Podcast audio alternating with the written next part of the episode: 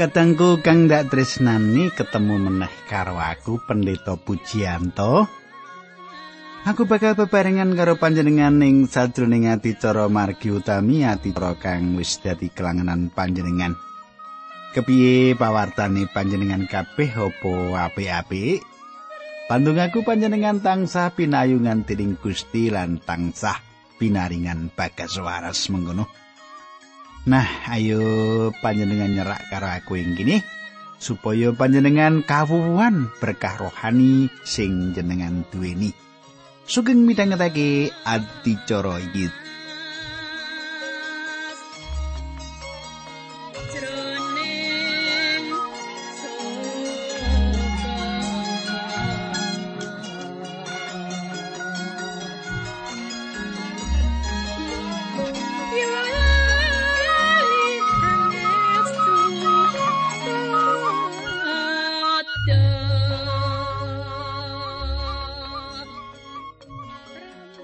Katengku kang dal tresnani apa panjenengan kelingan sing ndak aturake nalika kita ketemu dina kepungkur kae? Becike tak bereni sithik supaya panjenengan kelingan ya. Ing patemon kita kepungkur kadangku sedurku kita wis nyemak kepiye Gusti maringake tondo kang cetha marang Gideon yen Gusti wis masrahake wong Midian ing tangani. Nah teruse bakal kita semak bebarengan dina iki. Nanging sadurunge kuwi ayo kita tumungkul kita ndedonga dhisik. Do Kanjeng Rama ingkang adhedhampar wonten kraton ing kasuwargan kawula ngaturaken gunging panuwun. Menawi wekdal menika kawula saged tetunggilan kalian sederek-sederek kawula ingkang setya tuhu midhangetaken ati cara menika. Kawula nyuwun berkah paduka lumuntur dhateng sanakatang kawula linambaran asmanipun Gusti Yesus Kristus. Kawula netunggal haleluya amin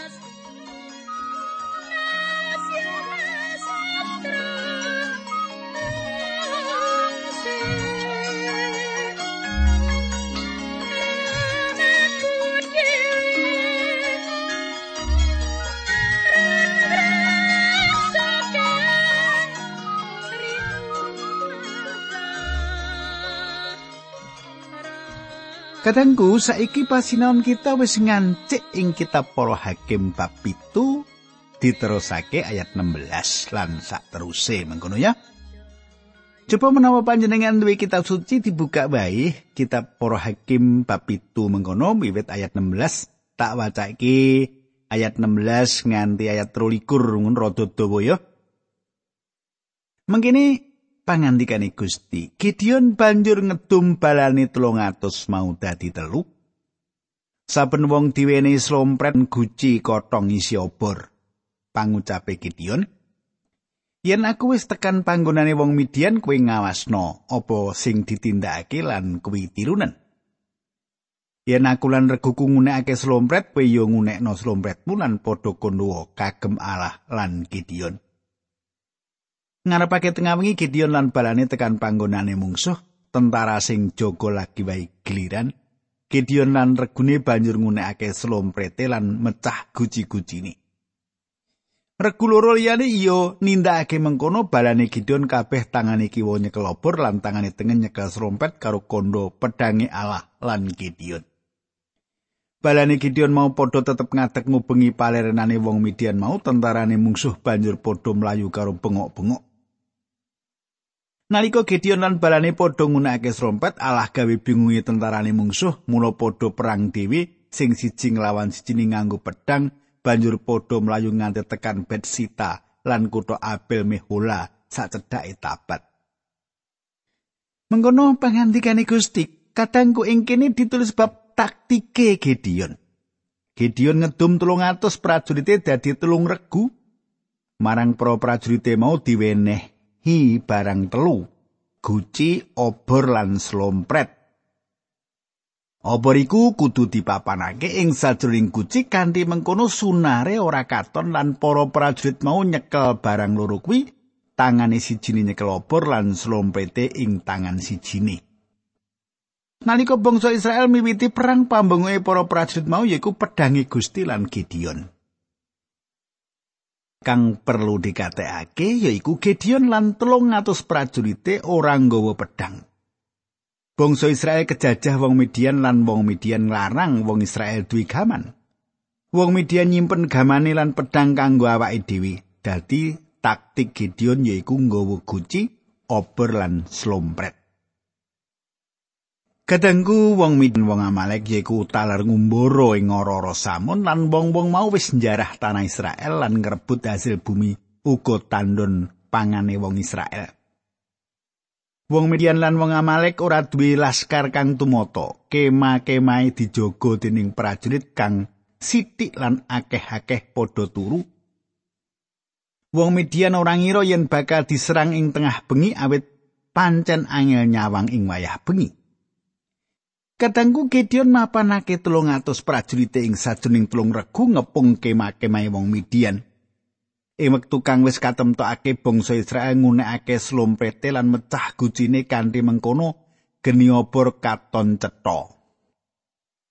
Saben slompet nggambarake kasunyatan yen bisa uga ana pirang-pirang atus mungsuh kang lagi ngepung. Panjenengan bayangake wong Midian kang tangi saka turu kepatri. Kang kawitan kang ditindakake yaiku wiwit nyabetake pedang sak kenani. Wong Israel ora duwe pedang. Apa kang ditindakake mung nyekeli obor nanging wong Midian padha perang karo kancane dhewe. Kahanan kacau ora karuan.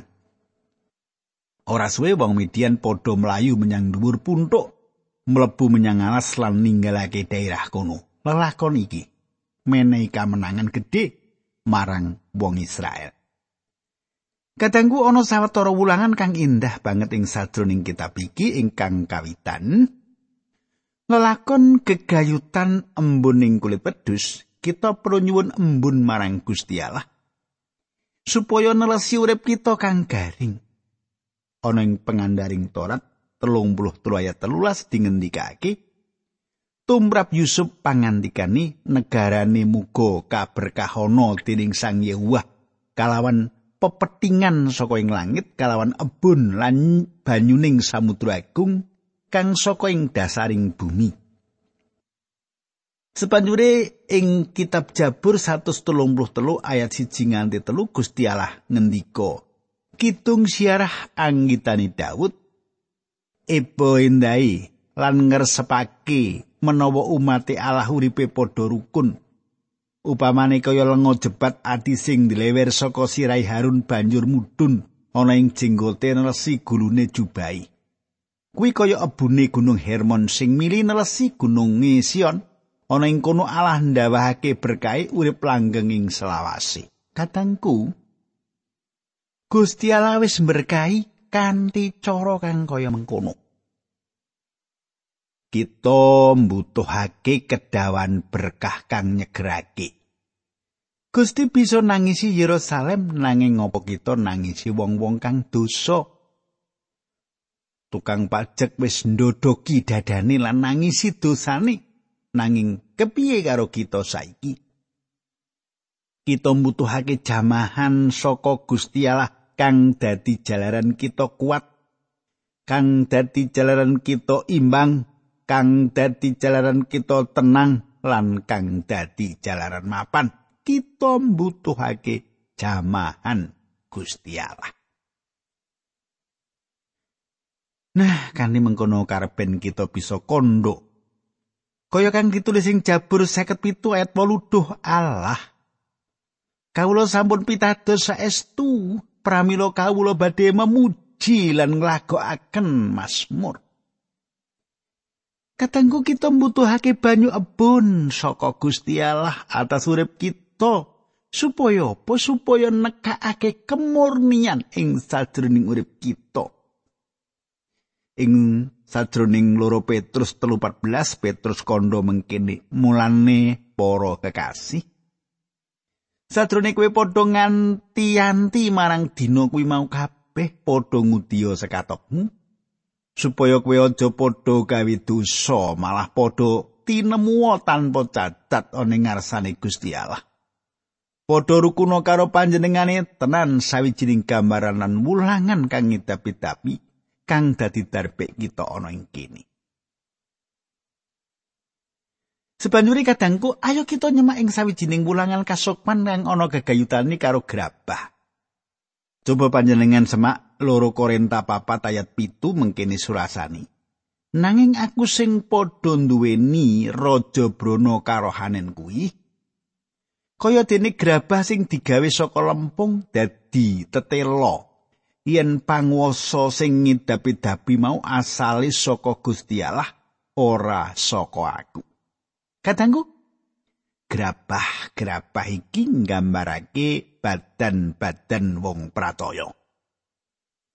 Grabah-grabah iki nggambarake raga-ragane wong pratoya. Ya iki kang dikarepake Paulus kang ditulis sing layang Rom rola saya cici. Sarene semono gedening sih rahmat Gusti Allah marang kita para sedulur. Mulane kowe padha nyaosna badanmu dadi kurban sing urip kagem Gusti Allah kanggo ngladosi pakaryane kang gawe renaning penggalihe ya sing kaya mengkono kuwi patraping nggonmu ngibadah. Kadangku kita duwe raja Brono iki ana ing grabah kang saka lempung. Sawetara wong saka kita sawetara wong saka kita durung dipecah lan akibate padang durung sumenuar. Grabah mau durung dipecah, akibate padang durung sumunar. Dudu padang kita kang sumunar, nanging padange sapa? Padange Gusti Yesus Kristus. Padange Gusti kudune sumunar lumantar kita. Padang kuwi mung sumunar ing sadurung panguripan kang ajur. Kita kudu sumunar minangka papadanging jagat. Paulus meratelake marang pesamuan ing Filipi loro. Samu barang kabeh lakonana tanpa nganggo grundel lan madoni supaya ana ing satengahing umat sing keblingeran mursal kowe padha dadi putrane Gusti Allah sing sampurna resik lan tanpa cacat menawa martakake Injil ana ing satengah wong-wong mau kowe padha sumunara kaya pepadang sing madangi bumi. Kadangku kang ndak tresnani sebanjuri ayo kita nyemak sedilo marang slompret. Siji Korinta 14 ayat 8 meratelake. Utawa slompret. Yen diunekake mung angger muni wae, sapa sing arep siaga maju perang? Kadangku, ayat iki ngrembug bab pangakune lan paseksene wong-wong pracaya. Pangakune lan paseksene wong-wong pracaya kudu gumathok lan cetha. Sebanjure kita ngancik ing para hakim wolu ya kita bakal maca ayat 23 Para hakim wolu ayat rolikur meratelake sawise mengkono umat Israel matur marang Gideon mengkene. panjenengan sampun ngluwari kula sedaya saking penjajahanipun tiang Midian mila panjenengan kula aturi dados pemimpin kula. Panjenengan lan anak turun panjenengan. Katengku kang tresnani. Kita nyemak yen wong-wong Israel ngarepake wong kang dadi raja kang merintah wong-wong mau wong-wong Israel ngarepake ana wong kang dadi raja kang merintah marang wong-wong mau. Gusti Allah ngendika wiwit kawitan yen panjenengane ora ngersakake wong Israel duwe raja kaya bangsa-bangsa kang ana ing sakiwa tengene. Ning awit Gideon wis merdikake bangsa Israel saka batur tukon. Mula wong Israel duwe karep Gideon dadi raja. Cetha Gideon wong kang sepisan wong kang kawitan kang ditawani kalungguhan dhuwur iki nanging Gideon nampik kalungguhan kuwi. Sebanjure ing wektu kang arep teka kita nemokake yen bangsa Israel nyuwun wong kang dadi raja meneh. Wong Israel ngangsek supaya duwe raja lan tundune wong Israel padha nuntut supaya ana wong kang dadi raja. Gusti Allah ngersake merintah atas umat kagungani. bentuk pemerintahan kanggone wong Israel kudune teokrasi Allah kang kuwasa Ana ing prakara iki Gusti Allah wae kang wis ngagem Gideon kanthi ngedap-edapi nanging Gideon kang dijaluk bangsa iki supaya merintah wong-wong mau, wong-wong mau ora mung Gideon memerintah, nanging kok tedhak turune Gideon iki ateges yen wong-wong kepengin ana wong kang dadi raja kaya bangsa-bangsa ing sakiwa tengene. Coba panjenengan gatekake jawaban Gideon.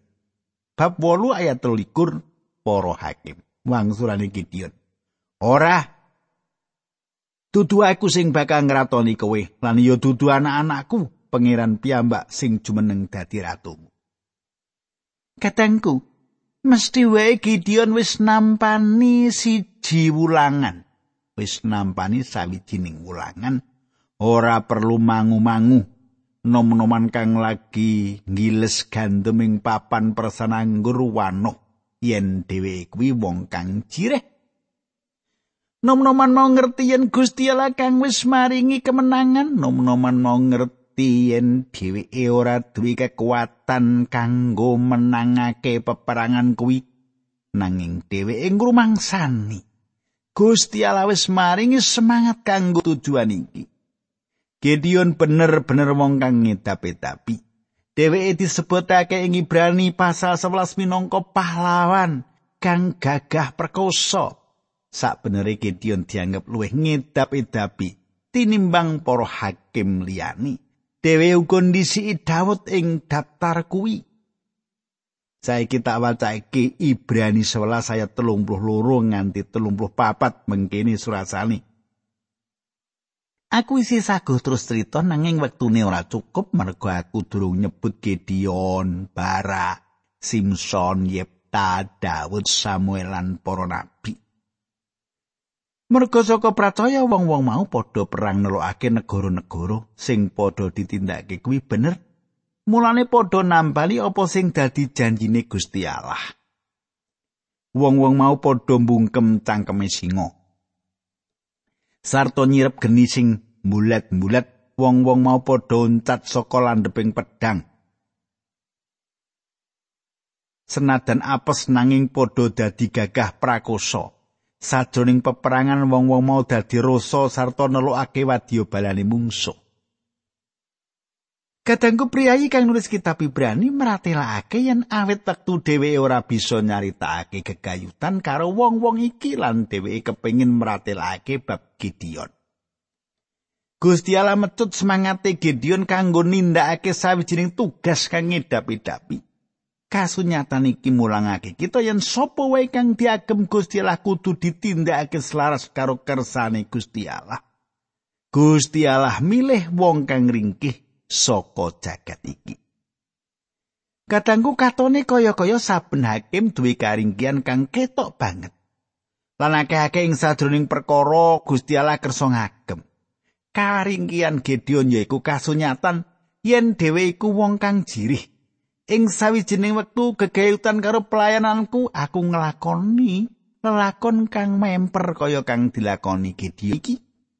siji-sijine alasan kang bisa aku deleng yaiku yen Gusti Allah nimbali aku awet aku kaya Gideon ringkih lan jireh. Aku asukurna ing sadoning kasunyatan yen Gusti Allah nindakake kanggo aku kaya kang ditindakake panjenengane kanggo Gideon. Gusti Allah cetha nganti aku lan aku tansah ngaturake panuwun marang panjenengane. Aku wis nemake yen nalika aku lumaku ana ing dalan kang ndak pingini lan aku asing nindakake apa kang ndak pingini kuwi. Mula aku kesandung lan tiba nek nuruti karepku dhewe aku gampang kesandung lan tiba. Panjenengan piye apa sak suweni iki nuruti karepe dhewe? Eh, ora nanut pangandikane Gusti babar sak karepe dhewe. nek kesandung tiba lho ki napa to Gusti kula kok dipun idenaken dawah kados mekaten sakit lho Gusti kok panjenengan mboten nuntun kula lah wong wis karep-karepe dhewe wis karepmu tiba ra ngono Nah kadangku nanging sak suwene aku rilo lan ngidinake Gusti Allah mimpin nggih. Hasile tenan-tenan ngedapi-dapi Gusti Allah wis berkahi. lan aku syukurna ing sadroning berkah kuwi. Gusti Allah bener-bener ngumunake. Saiki ayat telung puluh tekan telung siji para hakim bab wolu. Anak lanang Gideon cacahe pitung puluh mergo bojone akeh. Kejebok selir ing sikem, selire mau duwe anak lanang siji jenenge Abimelek. Katanggu kasunyatane Gideon uga duwe karingkian kang liyane.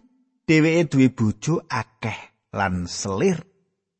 Dheweke duwe pitung puluh siji anak iki bener-bener sawijining cacat ing sajroning uripe. Bisa uga ana wong kang kandha kaya marang Sulaiman kok bisa dumadi Gusti Allah ngagem wong kaya mengkene lan kenapa panjenengane ngagem kasunyatane Gusti Allah ngagem Gideon sinadran dhewe duwe laku jontraning urip kaya mengkono. Nanging Gusti Allah tetep ora nyarujuki apa kang ditindakake. Catetan iki meratelake kanthi cetha yen apa kang ditindakake Gideon mbebayani kanggo bangsa Israel. Pasal kang sateruse meratelake perkara iku. Gusti Allah wis nglarang kawin campur karo bangsa liya. Gusti Allah wis nglarang bangsa Israel duwe bojo luwih saka siji. Gusti Allah ora nitahake akeh hawa marang Adam. Gusti Allah ora nitahake akeh kawa marang Adam. Panjenengane mung nitahake siji kang dadi sisiane. Gusti Allah mung mundhut siji balung iku. Panjenengan eling kadangku Abraham jupuk selir perawan saka Mesir kang jenenge Hagar lan lakon iku nuwahake masalah iku awet dosa Abraham. Gusti Allah uga ora berkahi apa kang ditindakake Soleman kegayutan karo prakara iki lan Gusti Allah ora berkahi Gideon uga. Sak beneri, apa kang ditindakake Gideon mecah kerajaan kuwi lan nuwahake lakon kang nyoto. Iki sawijining cacat ing sajroning urip Gideon uga Gusti Allah ora ningetake apa bae. Gusti Allah nggambar manungsa apa anani. Wolu ayat telung tekan telung limo mengkini surasani. Sawise umure akeh Gideon anak Yoas tinggal donya. Gideon dikubur ing kubure Yoas bapakne kuburan mau dununge ing Opra ya kuwi desane turun Abieset. Sawise Gideon tinggal donya wong Israel leren nggone ngabekti marang Allah. Malah padha nyembah dewa-dewani Baal lan nganggep Baal Berit kuwi alai. Wis padha ora ngabekti marang pengiran alai. Sing luwari bangsa mau saka panguasane mungsu-mungsuhe sing ana ing kiwa tengeni.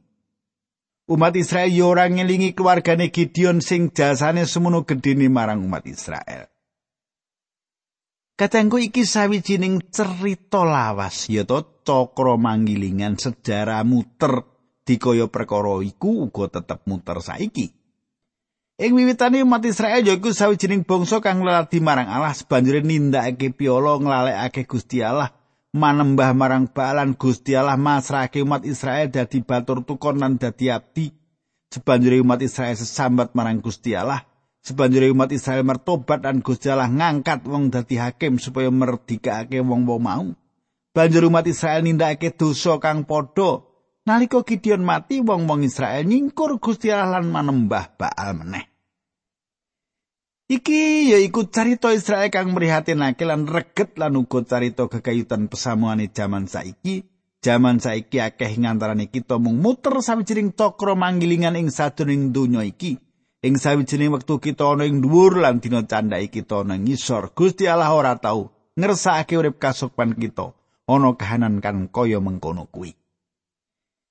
Kadangku tak pungkasi semene dhisik.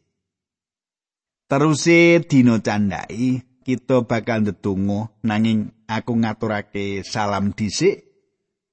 Para priyantun sing wis nglayangi aku. Bapak Wardi ya. Bapak Wardi matur nuwun serat panjenengan. Lumantar patunggilan kathah jiwa ingkang sowan dhateng Sang Kristus.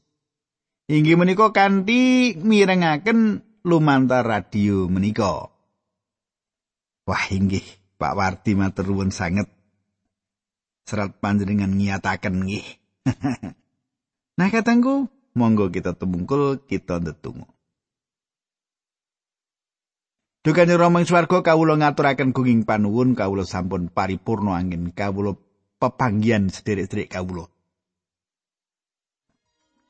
Kawula nyuwun Gusti berkahi menapa ingkang sampun kawula andharaken awit namung Sang Roh Suci piyambak ingkang saged jarwakaken kanthi wijang dhateng sederek kawula menika.